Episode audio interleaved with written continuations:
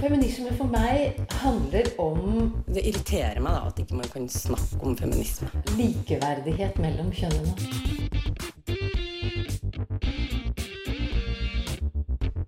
Det blikket på kvinnen på film. handlet det om å bli tatt på alvor som jente. Du hører på Et eget rom på Radio Nova.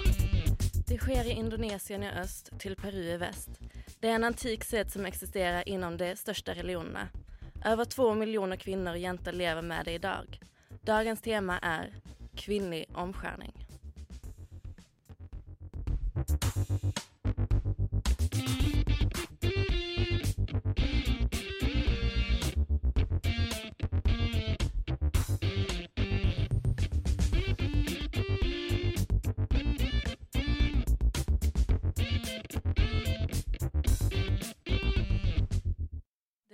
Mandag morgen. Klokken er litt over ti, hvilket betyr at du hører på Et eget rom.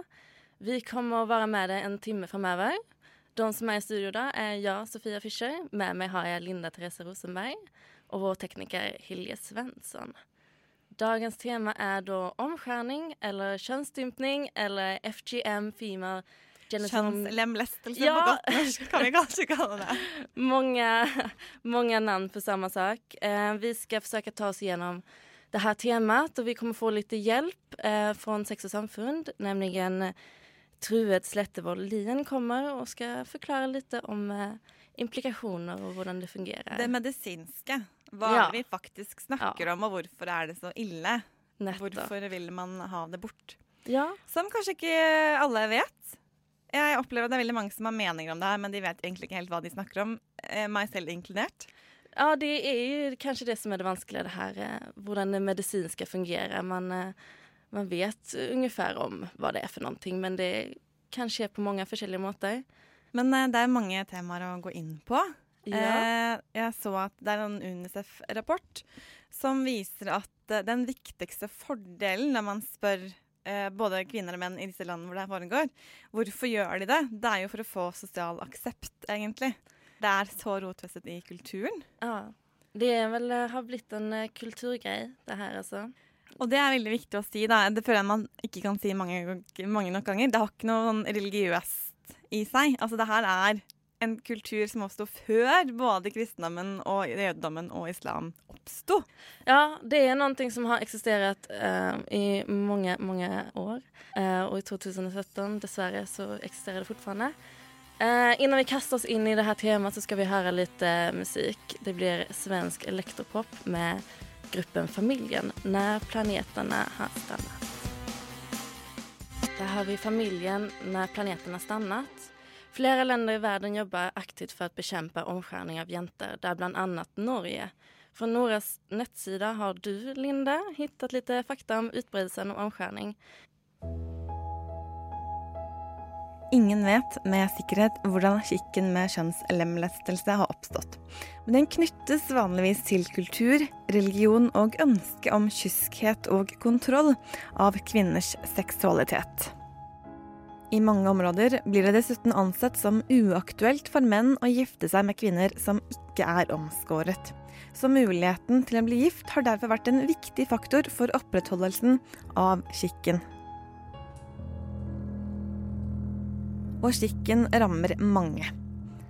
Verdens helseorganisasjon anslår at mer enn 3,6 millioner jenter står i fare for å bli lemlestet hvert år. Til sammen så regner man med at 200 millioner jenter og kvinner er blitt omskåret på verdensbasis. Og det er bare litt færre enn antall mennesker som bor i Brasil, det femte mest befolkede landet i verden. Mitt inntrykk har tidvis vært at eh, kjønnslemlestelse er noe som mange av disse kvinnene blir påført i tenårene. Og det stemmer at jenter opp til 15 år blir omskåret. Men de fleste blir likevel omskåret før de er fem år gamle.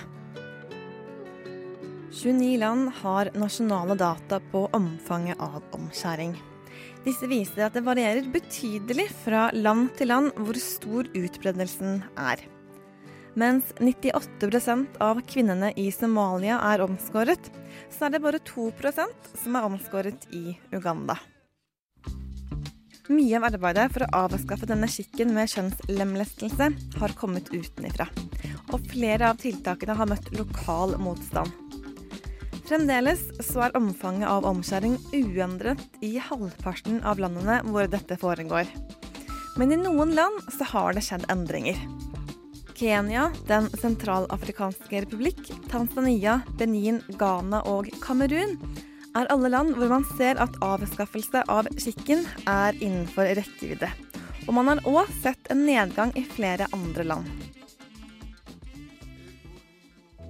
Undersøkelser som er gjort i flere av landene, viser at menn er mer skeptiske til omskjæring av jenter enn det kvinnene er. Og inntektsnivå og utdanning ser også ut til å være viktige faktorer, og kan trolig være årsaker til at praksisen med omskjæring er vanligere på landsbygdene enn i byene.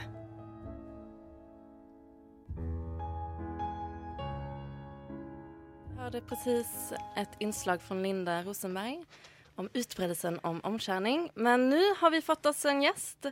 Eh, Trude Slettevold Lien fra Sex og Samfunn er med oss i studio. Velkommen. Takk for det. Så hyggelig at du kunne komme hit. Ja, hyggelig for meg òg. Gi oss litt sånn eh, medisinsk hjelp eller Ja, bistand, Det kan trenges. Vi er jo ikke Eksperter på det her i det hele tatt. Selv om vi ønsker å lære. Omskjæring altså det, Man snakker om kjønnslemmelse, og det er jo litt i vinden stadig. Norge er veldig opptatt av dette her.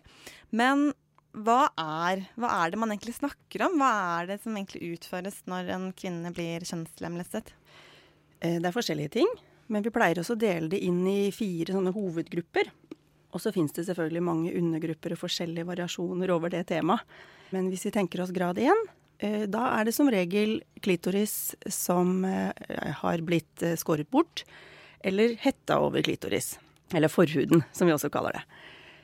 På grad to så, så fjerner man klitorishetta og stort sett klitoris, og kanskje også de indre kjønnsleppene. På grad tre, som er den hva skal vi si, mest alvorlige, eh, som også kalles infibulasjon, der fjerner man eh, stort sett klitoris og klitorishetta, eh, både indre og ytre kjønnslepper, og så syr man igjen, sånn at det blir helt glatt og en bitte liten åpning omtrent på størrelse med en blyanthode, hvor urin og menstruasjonsblod kan komme ut. Grad fire, det er en sånn samlevariant eh, hvor man eh, prikker eller skjærer litt eller brenner i områder rundt klitoris som regel. Så det er på en måte hovedgruppene. Så grad én, to og tre er egentlig bare mer og mer alvorlige Ja, det kan du si. kan du si. Det kan du si. Så egentlig så kan man også dele det i en sånn enten så kutter du, eller så syr du også. Ja. Ja. På en måte, kan man si det sånn. På, Ja. på en måte. Eh, men vet man noe om hvilken av disse typene som er mest vanlig? Ja, det er nok grad 1 og 2. Det er litt forskjellige tall som det opereres med, men si en mellom 80 og 90% av alle kvinner som er omskjært. Jeg pleier å si omskåret eller omskjært, ikke kjønnslemlesta. Eh, fordi at det er flest andre kvinner som bruker det. Eh, men mellom 80 og 90 kvinner er omskjært, eh, grad 1 eller 2. Og ca. 10-15% da tenker vi oss på, på grad 3. Vet man hvor mange av unge kvinner i Norge som måtte ha den grad 3, som er den mest alvorlige? Nei, det har ikke jeg noe tall på. Det Det vet, vet, jeg ikke. ikke. Det er, helt, det er sikkert noen som sitter på noen tall, men jeg vil tro det er litt sånne mørketall ute og går også. Men noe ordentlig tall på det, det har ikke jeg. Men når man gjør det her, mm. som vil jo få en del komplikasjoner kunne oppstå. Ja, stort sett så vil det det. Eh, hvis man først eh, snakker om litt sånn akutte ting som kan oppstå, eller som skjer, hva, Mm. hva er det? Hva kan det være? Kommer jo litt an på hvor omfanget av omskjæring selvfølgelig, og, og hvem som har gjort det, på hvilken måte, hvilke instrumenter har blitt brukt, alder på jenta når det skjedde. Eh, men infeksjoner, det er ganske vanlig. Å ha store infeksjoner til dels i underlivet sitt. Eh, mye smerter. Så, så mye plager. Vi ser også en viss barnedø økt barnedødelighet. Altså hos de som skal føde. Så det, det påvirker også fødsel. eh. Påvirker også fødsel. Men her hjemme i Norge så, så får jo jentene åpningskirurgi før de skal føde. Men gjelder det både de som eh, opplever grad 1 og 2, eller er det mest vanlig på grad 3, hvis, hvis det skjer at man har problemer Eh, med under fødsel? Det kan skje egentlig over hele linja, for på grad 2, hvor man fjerner indre eh, kjønnslepper, så ser vi hos noen at det vokser sammen av seg selv, da, uten å bli sydd. Eh, sånn at man vil jo få de samme plagene egentlig som ved grad 3. Jeg tenkte på det her som du sa med åpningskirurgi. Hva, mm. hva menes med det? Eh, Da kan man få åpnet opp sånn at det ikke lenger er Altså, er man infibulert, så vil det kreve flere åpninger gjennom livet. Mm. Eh, For man blir gjerne infibulert som barn. Vanligste kanskje mellom 5 og 14 års alder, men også små spedbarn. Så hvis man blir sydd sammen, så kommer det å vokse sammen? Ja. Så, da- om du åpner opp, så vokser man ihop igjen, liksom? Nei, ikke, Nei, okay. ikke her. Nei, okay. Eh, men hvis man i opprinnelsesland, når man gifter seg, så må det åpnes opp litt grann for å kunne ha samleie. For det er jo vanskelig i en sånn blyantåpning. Mm, Så da åpnes det opp litt grann i forbindelse med det. Eller når en skal ha barn. Okay. I opprinnelsesland vil man naturlig sy igjen igjen etter at barnet er født. I Norge har vi ikke lov til det. Så når man har fått åpningskirurgi i Norge, så uh, får man også Ja. gjort det så ordentlig som mulig, men, men det blir ikke lukket igjen. Det er ikke lov. Ok. Men kommer det unge kvinner til dere som er sydd igjen, og som ønsker å bli åpnet, selv om man ikke skal gifte seg, eller selv om man ikke skal ha barn? Det kommer ikke så mange unge som er infibulert og som ønsker å åpnes til oss. De henvender seg nok stort sett til kvinneklinikkene. En del av de jentene som kommer til oss, de kommer av litt andre årsaker. Eh, En del kommer til meg fordi at de har problemer i seksuallivet sitt. Eh, Og i og med at jeg er sexolog på Sex og Samfunn, så blir det fort jeg som snakker med de om det. For dette med sexproblemer, det må vel også være en del av litt mer sånn plager på lang sikt, når man eh, blir eh, omskåret? Ja, eh, litt både og. Jeg tror vi nok tenker litt for ofte at kvinner som er omskåret, de kan ikke ha noen god seksualitet, og det er jeg ikke enig i i det hele tatt.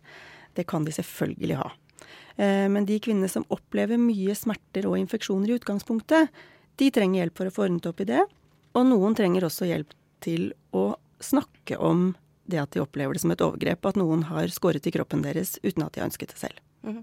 Vi skal, veldig interessant det her, vi skal fortsette å diskutere dette efter litt låt. Det ble Glenn Wagon 1982 med rapperne Tøyen Holding og Ivar Strå.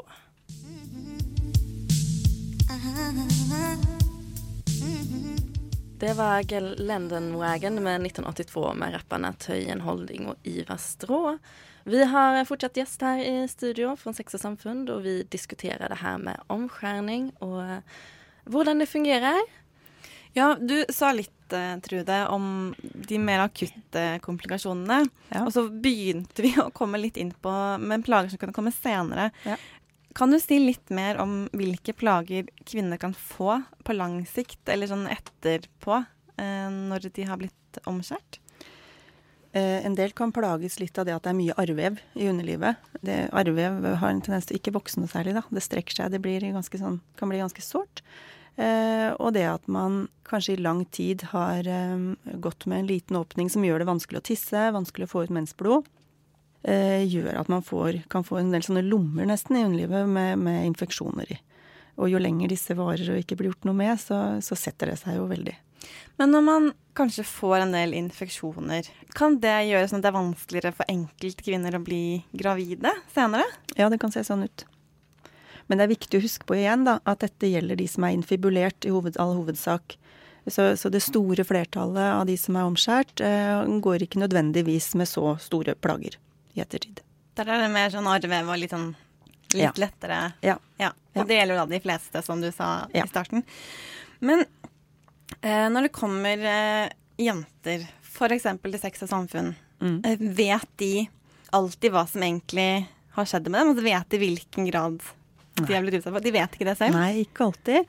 Uh, og det gjelder jo egentlig altså Nå snakker vi om omskjæring, men det er jo utrolig mange jenter generelt som ikke vet noe særlig om underlivet sitt og hvordan det ser ut. Eh, men av disse jentene som eh, av og til kommer til oss, eh, så kan det handle om det at de vet at noe har skjedd.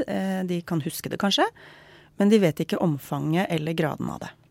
Er det noen som sliter litt med sånn psykiske plager? Fordi det her skjer jo mot barn, det må Mm. man jo si. Og det er jo veldig smertefullt. Eh, er det noen som husker det, og som har veldig sånn vansker med det psykiske Mm. når de kommer hit? Ja, De fleste som kommer til oss, eh, de kommer jo fordi de trenger hjelp. Og de sliter nok eh, litt med det. De sliter med at, eh, at det er gjort noe mot dem som de ikke ønsket selv, kanskje.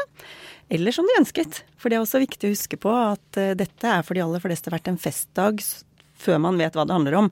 Eh, Så har det vært en festdag og noe man gleder seg til, og det er stor feiring. Men så husker en også smertene, og kanskje har fått en del plager i ettertid. Så de som kommer til oss, de, og som jeg snakker med, de, der handler det ofte om kroppsbildet. Eh, og hvordan ha det ok med kroppen sin, selv om det har blitt gjort noe med den som en ikke selv har bedt om. Og så er jo disse en veldig minoritet i Norge som jobber veldig aktivt mot dette med at kvinner skal omskjæres. Mm. Hvordan spiller det inn på det, disse kvinnenes bilde av seg selv? Ja, Det er nettopp der jeg tenker vi har en jobb å gjøre, da. For det at eh, kvinner er kvinner verst noen ganger. Eh, vi er fæle til å synes kjipe ting om kroppen vår. Eh, og enda mer blir det hvis vi alltid skal ha pekefingeren oppe og snakke om alt hva disse kvinnene går glipp av. For det er jo ikke nødvendigvis sånn at man går glipp av alt her i verden fordi om man er omskjært. På det seksuelle plan, da. Så man kjenner fortfarande liksom Altså man får fortfarande sexlyst og ja. Liksom tilfredsstelt even om man er omskjært? Ja, det gjør man absolutt. Og jeg tenker at noen ganger hvis man har fjernet klitoris, så kan en klitorisorgasme gjøres vanskelig. Man har jo ikke fjernet hele klitoris. Mesteparten av klitoris sitter på innsiden mm. av kroppen. Men hvis man har fjernet klitorishodet, så kan det kanskje vanskeliggjøre litt den vanlige klitorisorgasmen som kvinner flest får. Men nå er vi heldigvis skapt sånn da, at vi har mange måter å få nytelse på. Ja. Så vi er litt heldige der. Jeg vet at eh, man jobber jo også aktivt mot innvandrere og innvandrerfamilier mm. som kommer fra land hvor det her er veldig vanlig. Mm. Eh, jobber dere noe mot denne gruppen unge kvinner? Bare rent sånn informerende? Altså, Vi er jo ikke, bare, ikke mot bare denne gruppen. Vi eh, har jo seksualundervisning i Oslo-skolen i 9. klasse hvor vi alltid snakker om omskjæring. Og når jeg møter kvinner av minoritetsetnisk bakgrunn, så snakker vi alltid om omskjæring. Snakker, det er alltid tema, eh, uansett om det er godt voksne kvinner, eller om det er yngre kvinner, eller om det er menn. Så ja, det er tema. Det er veldig bra. Da har folk et sted å gå til hvis de, hvis de føler at de trenger eh, litt hjelp. Eh, jeg skal si et stort tusen takk for at du kunne komme hit. Eh, tusen takk for meg. Slettevold fra eh, Sex og Samfunn. Det var veldig, veldig veldig hyggelig. Jeg syns vi har blitt veldig mye klokere. det trengtes. Eh, her skal vi fortsette med litt kunstpop fra Anana med 'Swimmers Body Illusion'.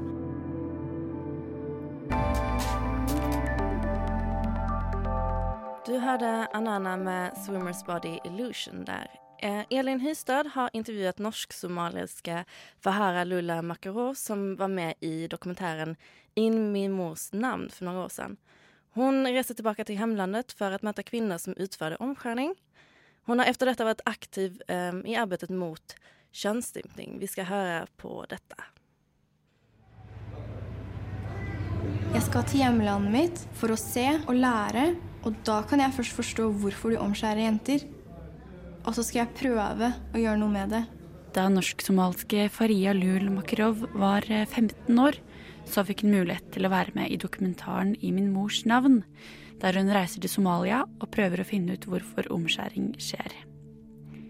Nå er det over fire år siden dokumentaren ble spilt inn, men eh, Faria kjemper fortsatt aktivt mot den kulturelle praksisen. Jeg har hatt en mamma som har jobbet mot å eliminere omskjæring av kvinner siden 1980-tallet. Og på den tiden så er det veldig vanskelig å være en, eh, en kvinne i et så undertrykkende land, da. Og det stoppet henne ikke. Eh, og nå er hun bare litt sliten, rett og slett. Og jeg har bare vært interessert i det fordi jeg har hørt om det helt siden jeg var født. om dette problemet som ennå ikke har stoppa. For mange så er omskjæring et tabubelagt og personlig tema, samtidig som det er noe man ønsker å gjøre fordi det er eh, tradisjon og kultur. Det her erfarte Faria også da hun reiste til Somalia og snakka med unge jenter der.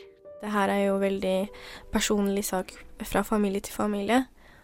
Og det er faktisk til og med familier som gjemmer at døtrene er omskjært eller ikke. De sier bare at hun er det, men så tør de ikke å si noe annet, da. Fordi jeg er så redd for at eh, folk ikke skal akseptere de. Um, en annen ting jeg også tenker ofte på, er hvordan disse unge jentene ønsker å bli omskjært selv. De sier til mamma Jeg har opplevd i tilfeller der foreldrene ikke har hatt lyst til å gjøre det, men så sier dattera 'jeg vil'. Kom, bli med meg, jeg skal omskjære. Jeg blir omskjært. Og det er bare fordi at alle andre er det. Sant? Det er akkurat som alle andre blir konfirmert, eller at alle andre, du vet, blir russ. Så vil de også bare ikke føle seg utenfor. Når jeg spør Faria hvordan hun syns diskusjonen rundt omskjæring er i Norge, så sier hun at det skjer mye som er bra, Men hun understreker også viktigheten av at flere andre som selv har kommet til Norge, tar tak i saken. Jeg vet jo at Norge gjør noe mot det, eh, og prøver å stoppe det her, de også. Eh, men du vet, det er ikke alltid nok med at etniske nordmenn prøver å ta tak i problemet. Det er vi uh, som har kommet hit, som har tatt med oss slike tradisjoner og sånn, som må faktisk stoppe det. Når det kommer nyankomne som tror det her er normalt og kanskje ønsker å sende barna deres tilbake, hvem vet, det har sikkert skjedd, um, da må vi ta tak i det og informere at det her er en straffbar eh, handling, at man kommer i fengsel for dette. Eh, at det er ikke helsekonsekven det er helsekonsekvenser i dette og har ingenting med religion å gjøre. Hvis vi tar tak i det og utdanner de nyankomne, så føler jeg at det, da er vi på godt vei. For da forandrer vi tankegangen til de som er her. Og så kan vi ta tak i problemet i landet mitt, da, og de andre landene. For det er vi som får utdannelsen og kan reise ned og hjelpe våre mennesker. Her i Norge så holder Faria kurs og foredrag om omskjæring for både nordmenn og jenter og gutter fra berørte land. Å kjempe den kampen her, det er allikevel ikke alltid like lett. Når jeg, jeg holdt et sånt foredrag for unge gutter og jenter fra disse berørte landene, og spesielt de som er fra landet mitt, eh, de voksne, de syns jo jeg gjør en viktig jobb, men det er så tabulagt tema, sånn at eh, de, de tør nesten ikke å liksom heie på meg, da. Men innerst inne så vet jeg at de gjør det. Mens andre heier ikke på meg i det hele tatt. De tenker at hun kaster et dårlig lys, et negativt lys over landet vårt. Men det har jo ikke noe med landet vårt å gjøre. Det har bare med denne praksisen, som også er i over 30 andre land, blant annet i Midtøsten, Asia og Afrika. Um, så jeg føler at det har vært en kamp. Jeg har hatt masse motstand og hets, men jeg bryr meg ikke. I det hele tatt. Jeg vet det kan høres veldig rart ut, men det går fint. For at noe, en forandring skal skje, så er det alltid noen som møter motstand. Og den, da møter jeg på det, og det går helt fint så lenge jeg får gjort noe med dette.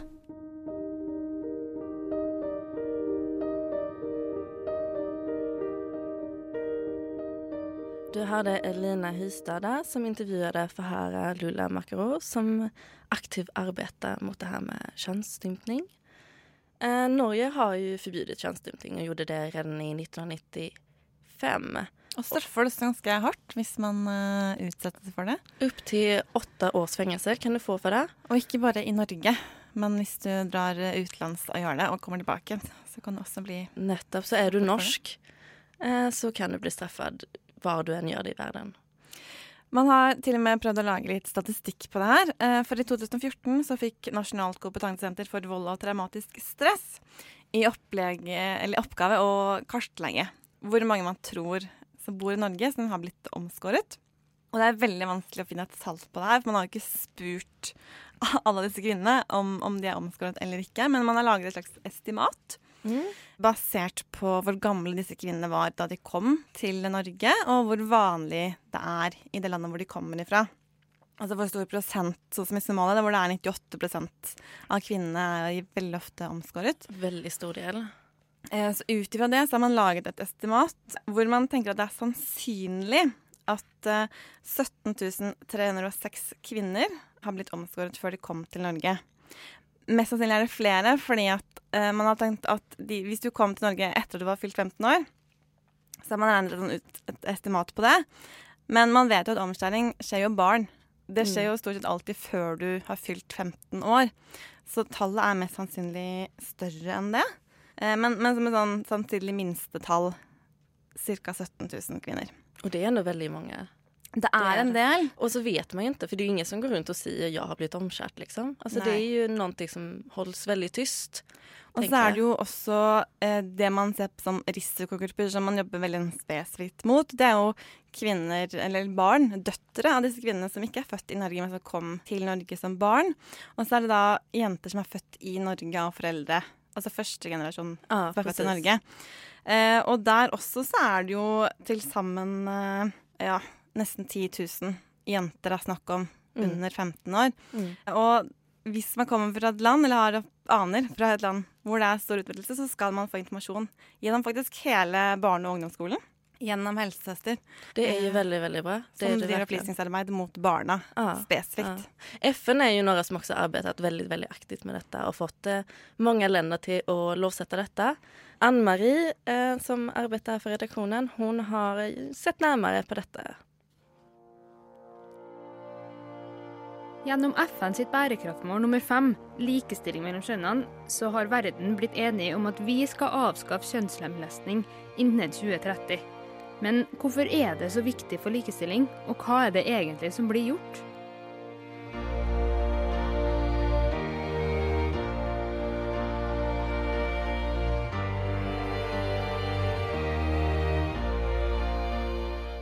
Så hvorfor er det så viktig for likestillinga at kjønnslemlestelse blir utrydda?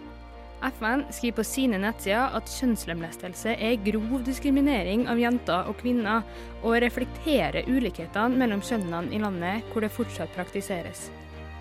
Det er med andre ord en praksis som fører til undertrykking av kun ett av kjønnene, samtidig som det er med på å forsterke det urettferdige maktsystemet som allerede eksisterer i landet. Det er altså nok en måte for menn å plassere kvinner og jenter under seg, fordi menn gjennom denne praksisen kan frata jenter friheter som er nødvendige for at de skal kunne realisere seg sjøl, uavhengig av mann. Kvinnelig kjønnslemlestelse er òg et brudd på menneskerettighetene. Blant annet så bryter det med retten til helse, retten til å ikke bli utsatt for tortur eller inhuman og nedverdigende behandling, og retten til liv dersom inngrepet ender i et dødsfall. Kvinner har med andre ord rett til reproduktiv helse. På FN sine sider er reproduktiv helse definert som en tilstand av fullstendig fysisk, mental og sosial velvære knytta til reproduksjon. Og det er bevist at manglende tilgang til reproduktiv helse utgjør en av de største truslene mot kvinner verden over i dag. Alle verdens land er derfor pliktig å jobbe mot kjønnslemlestelse av jenter og kvinner, ikke bare på et nasjonalt nivå, men òg globalt.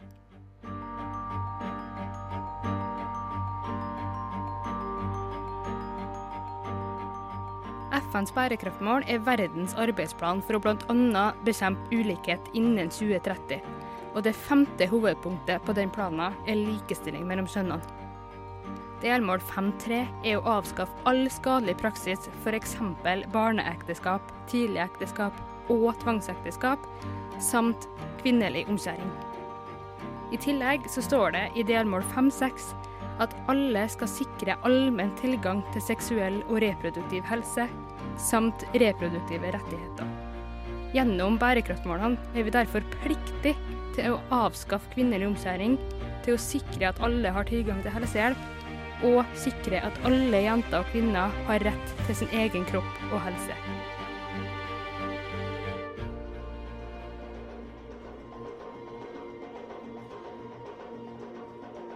Den 6. februar hvert år markeres den internasjonale dagen mot kvinnelig kjønnslemlestelse. Og målet med denne dagen er å øke kunnskap om og oppmerksomhet rundt praksisen.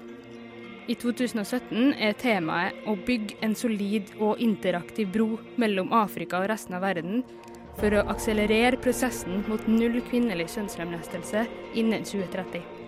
I tillegg er det flere internasjonale organisasjoner som jobber mot kjønnslemlestelse, bl.a. Redd Barna. De har siden 2006 jobba sammen med Kirkens Nødhjelp i Etiopia for å avskaffe kjønnslemlestelse i landet, og de vektlegger viktigheten av å jobbe sammen med lokalsamfunnene for å endre holdningene til problemet. De jobber derfor sammen med religiøse ledere, religiøse i samfunnet, med lokale myndigheter og med lokale partnere for å endre systemene som gjør kjønnslemlestelse mulig. Samtidig jobber de med skoler, foreldre og kvinner for å spre informasjon, bl.a. gjennom hjemmebesøk, gateteater og radio.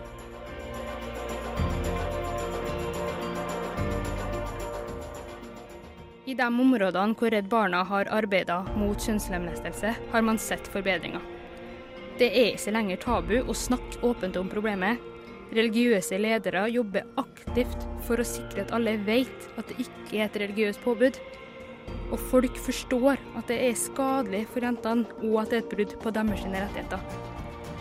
Redd Barna sitt arbeid i Etiopia viser oss viktigheten av å jobbe aktivt med problemet, og at det er mulig å gjøre en forskjell. Du hørte Ann Marie Sundet der. I think uh, anyone who's not a feminist is is an insane person. Is an insane person. Is an insane person. Is an insane person. Du hører på Et eget rom. Det här med kvinnlig omskärning är ju ett utbrett problem i Afrika. Eh, eller, eller i hele verden, men spesielt i Afrika. Det er flest afrikanske land, kan vi si. Nettopp. Sånn nettopp. Ja, om vi ska vara lite korrekta.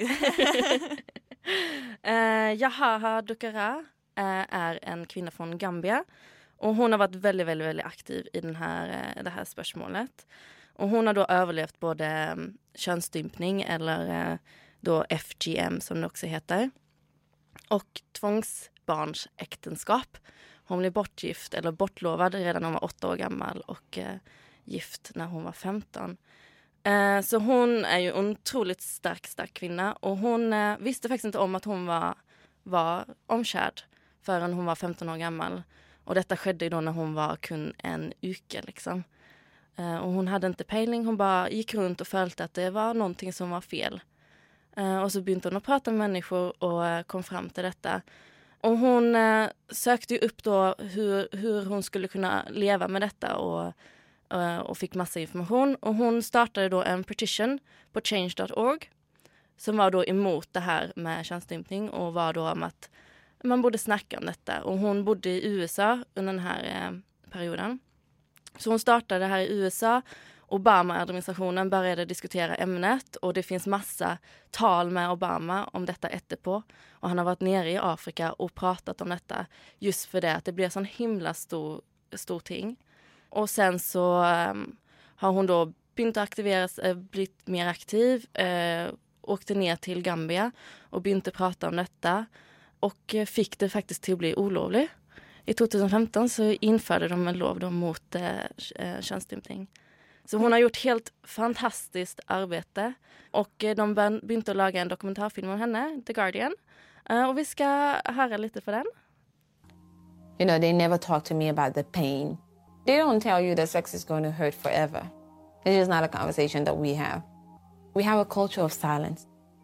So it just made me want to research, you know, how can I enjoy sex? How can I reverse this? Once I found out that this was permanent, it just kind of made me something has to change.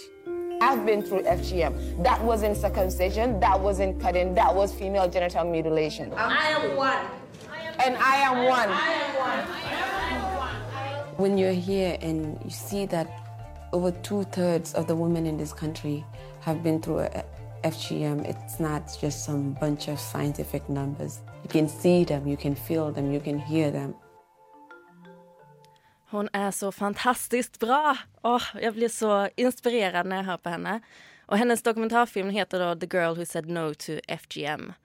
Eh, och hon utsågs av tidskriften Time i 2016 som en av de mest, eller en av de hundra mest inflytelserika människorna i världen. Så hon har gjort sånn otroligt bra arbete för kvinnor i Gambia och i USA och i hela världen. Men det er jo ikke bare i Gambia hvor det har skjedd mange positive ting. Det er blant annet Norge har vært involvert i land som Mali og i Sudan. Og begge dette er land hvor det er eh, over 90 eh, som blir omskåret. Og i Mali så har man jobbet spesielt med å informere helsepersonell, de som, jobber, altså de som faktisk reiser rundt og omskjærer jenter. Og i Mopti-regionen, hvor man har eh, jobbet, så fikk man med seg en del imamer. Fordi i Mali så var det veldig mange som Eller det er mange som tror at omskjæring er påbudt i islam. Mm. Så imamer har gått sammen i denne regionen og sagt at nei, det stemmer ikke. Og så har man sendt ut brev til alle moskeene i denne eh, regionen som har blitt påbudt om å informere eh, sine menigheter. Og det man har sett, da, det er at eh, tolv landsbykomiteer, altså det her er mer sånn lokaldemokrati, de har nå signert avtaler om at i, disse landsbyene så skal man rett og slett uh, ulovliggjøre omskjæring. Man skal få bort denne praksisen gjennom å opplyse om at nei, det har ingenting med, med, religion å gjøre. Og imamene de er imot at man gjør det. Det er fantastisk bra. Og lignende i Sudan, hvor UNICEF har vært veldig aktive, og også Norge, eller norske organisasjoner, uh, har man jobbet med holdningsendringer. Og klart, uh, fra 2006 til 2014 så har man klart å redusere det med noen og 40% til 30 eh, Og det er jo ikke det største tallet, men disse 15-12-13 er likevel Det er 12-13% bedring på noen år. Eh, og man ser også der når man For da har man tenkt sånn at vi skal ikke snakke om at eh, man blir syk og at det er vondt og sånn. Man skal snakke om at det er positivt å ikke være omskåret når man er kvinne. Det er det positive den måten å skape holdningsendringer på. Ja, for jeg tenker også det at det, det handler just om education. Liksom, at lære seg hva det handler om, og hvordan det kommer å påvirke en, og det at det faktisk er bra, og du kan fungere helt normalt uten å bli omskjært. For det er vel det som er tingen. Man tror at du kommer å begynne å klø, og du kommer å få infeksjoner, og allting kommer å bli feil, og du kommer ikke kunne føde barn. Og det var noen kvinner som jeg leste om, som ikke fikk barn. Uh, och då omskärde de henne för då tänkte de att då skulle hon få barn. Men det är ju helt bakvänt. Så det handlar ju bara om det här med hållningen man har haft till det och man måste bara bli educated liksom. Veldig viktig med å skape positive verdier. Sudan fikk veldig mye oppmerksomhet i verden i 2008. slik at De har, lagt, de har laget en sånn nasjonal plan for hvordan man skal avvikle det her. Målet var innen eh, 2018. Det er ikke sikkert at det skjer, men de jobber fremdeles med det på nasjonalt nivå. Men der så har man jo sett at det er lokale grupper som gjør litt sånn motstand. Og selv om mange gjennom at religiøse ledere har gått ut og sagt at nei, det har ingenting med religion å gjøre, så er det likevel mange som tenker sånn greit, den, når man syr igjen, det, det er ikke lov. Men det er fremdeles noen som tenker at hvis man bare kutter bitte litt, så står det sikkert i Koranen. Ja. Eh, og det har jo bare vært eh, Man har innsett i veldig stor grad, da, særlig når man har jobbet i Sudan, at man må ha med religiøse ledere. Og det er jo utrolig bra at de faktisk er med på det. Absolutt. Og de gjør som... sin jobb med å informere eh, i sine menigheter. Ja. Et samfunn som er så preget av religion, trenger jo virkelig at religiøse ledere er aktive og arbeider med dette. Det rekker jo ikke at bare kvinner stiller seg opp, eller menn stiller seg opp, men man må gjøre det sammen og begynne å snakke om det og gjøre det as a community. Eh, vi går videre lite, med litt musikk, og vi har en utrolig eh, passende låt. Det er Shionsi med låten 'Rebel Woman'. Det var Shinisho med 'Rebel Woman'. Klokken bør nærme seg elleve, hvilket betyr at dagens sending bør gå mot sitt slutt. Nok eh, en gang. Ja, det tar alltid slutt. Sånn er det. Vi har bare en time. Men ikke slå av radioen for det, for det kommer masse mer bra radio her på Nova. Så det får ni ikke gjøre. Neste uke blir temaet fjerde feministbølgen. Så hør på oss da. Ja, fins det en fjerde feministbølge, eller er vi sånn mm. Reste etterslenget etterslenge av den tredje belgen. Ja, aha. Det må vi finne ut. Det ble veldig interessant det her. Vi som har guidet det gjennom denne timen, var Linda Therese Rosenberg, og så tekniker Hilje Svensson og Ulrike. Vi har hatt to teknikere i dag, så heldige vi er. Ja. og så er det jeg, Sofia Fischer. Eh, vi kommer å lämna med en sang fra en engelsk organisasjon for ungdommer som har lagt denne fine sangen i protest mot det økonomisk, som eh, hadde skrevet en artikkel om FGM der man absolutt kan ifrågasätta deres ställning til FGM. Sången heter i alla fall My Clitoris. Enjoy. The press keep getting under my skin. Have you heard what they've been saying on the television? It's true. It can't be true. They say it's okay for a little bit to be taken away from my clit. No, thank you. No,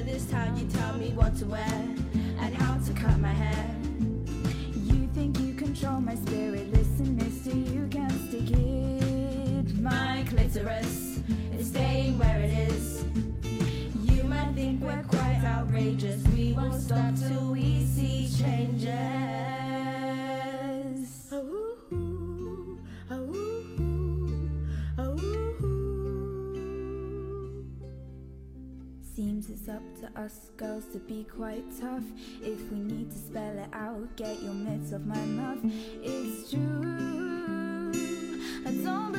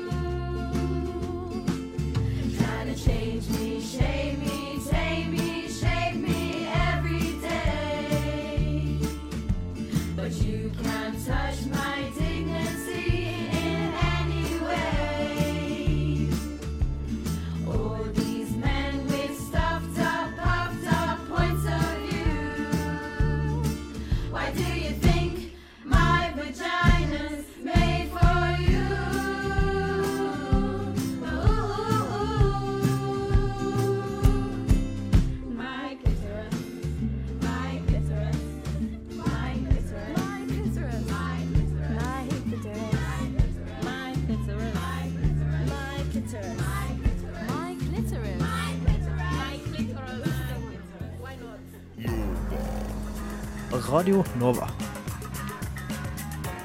Du har hørt en podkast fra Radio Nova. Likte du det du hørte? Du finner flere podkaster i iTunes og på radionova.no.